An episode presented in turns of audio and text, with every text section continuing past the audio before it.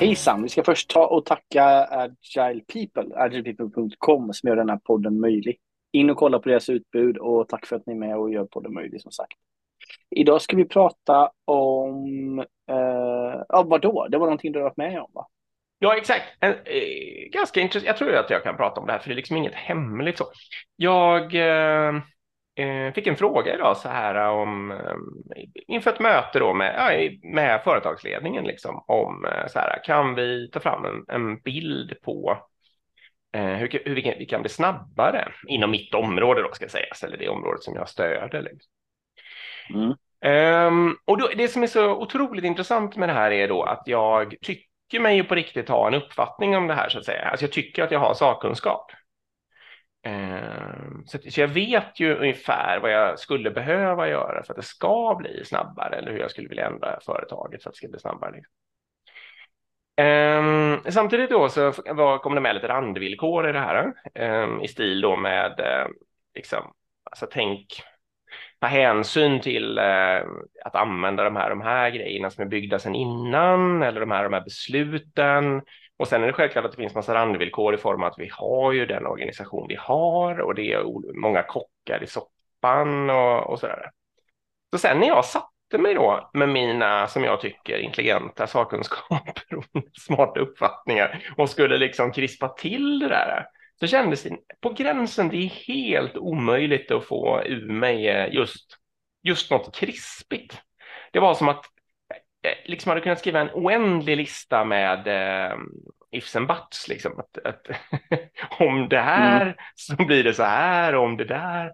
Eh, och, så, och det är ju det sämsta man vill komma med till en företagsled. och vi mm, talar ja, om, om sådana, det beror på, så att säga. Mm. ja, men Eh, två spaningar när jag hör detta. Mm. Eh, det ena är ju att det låter ju nästan som att randvillkorslistan är, är precis samma sak som problemlistan. Ja, det är nog överlapp, ja. Mm. Smart. Ja, så man skulle ju kunna skicka tillbaka den bara och säga mm. att det är mm. just precis den här randvillkorslistan som gör mm. att, att vi har den här trögheten så att säga.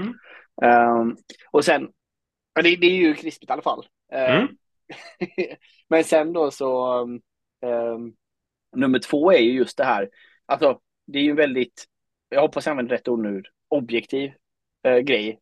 Det är subjektiv borde jag använda va? Mm. Eh, vad, snabb, som är snabbt mm. inte. Alltså det är icke mätbart, det är väldigt, väldigt svårt. Mm. Och den upp, speciellt om man jobbar med IT som vi gör, det är väldigt ofta folk tycker, ja, men varför går det inte snabbare? Mm. Och det är liksom bara, det är bara baserat sig på någon form av känsla för att vad, vad är snabbt och inte snabbt och så. Ja. Och det är väldigt svårt att påverka och det är extremt omätbart.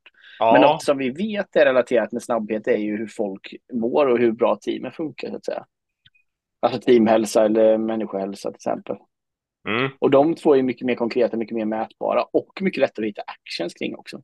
Mm. Uh, än, än vad det är kring snabbhet så att säga. Så man skulle kunna ta det, det spåret också, att börja titta på det och se om, om den ökar så har vi en hypotes att snabbheten också kommer att öka. Och så då, mm. okej, okay, vad är då topp fem aktiviteterna vi behöver göra för att öka, öka den så att säga. Mm. Det i kombination med hantera randvillkoren känns ju som någon form av väg. Nu vet inte jag alls vad det här handlar om, men det var bara det var min känsla. Mm. Ja, men det, var, det var väldigt träffsäkert det där med eh, randvillkoren. Det ska jag verkligen ta med mig och tänka på nu när jag, för jag ska jobba lite till på det här ikväll.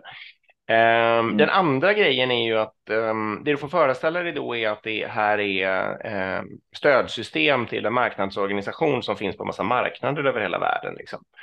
Och Ja. Um, så att om, jag håller med dig om det där med att mäta hur folk mår eller kalla det vad du vill, men det är ju då att då skulle man behöva mäta på de människorna som, alltså brukarna av det här, liksom. det är de som kanske mm. lider av långsamskapet.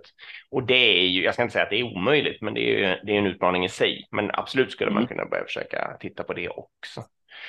Ehm, jag ska också bara säga att jag tycker nog, vi pratade lite också, att jag håller med om att det är långsamt och jag håller med dig om att det är svårt att mäta och att det är en subjektiv uppfattning. Men jag håller också, mm. jag tänker nog också lite att det är lite mm. sunt förnuft eh, och man ska akta sig för att liksom säga så där att um, det här är svårmätbart och därför går inte jag med på att vi kallar det långsamt, för då gör man sig lite dum. Absolut. det är bättre, det, det, bättre att erkänna att det är för långsamt. Liksom. Ja, ja, absolut. absolut. Ja. Problemet är ju bara, alltså det är, det är definition of done, liksom. När vet vi att det blir bättre? Det är den som blir svår att definiera. Den måste man fundera på. Just mm, för det, för det, det, känsla, mm. känslan att det går långsamt kan ju vara kvar fast jag blir tio gånger snabbare. Väldigt, väldigt så. Jag tror, ja bra, tack. Eh, jag tror att dagens avsnitt kanske kommer heta randvillkoren är problemet. Det var ju verkligen en smart ja. slut. Så. ja, det är bra. Tack för idag. Tack till Peter. Hej. Hej, hej.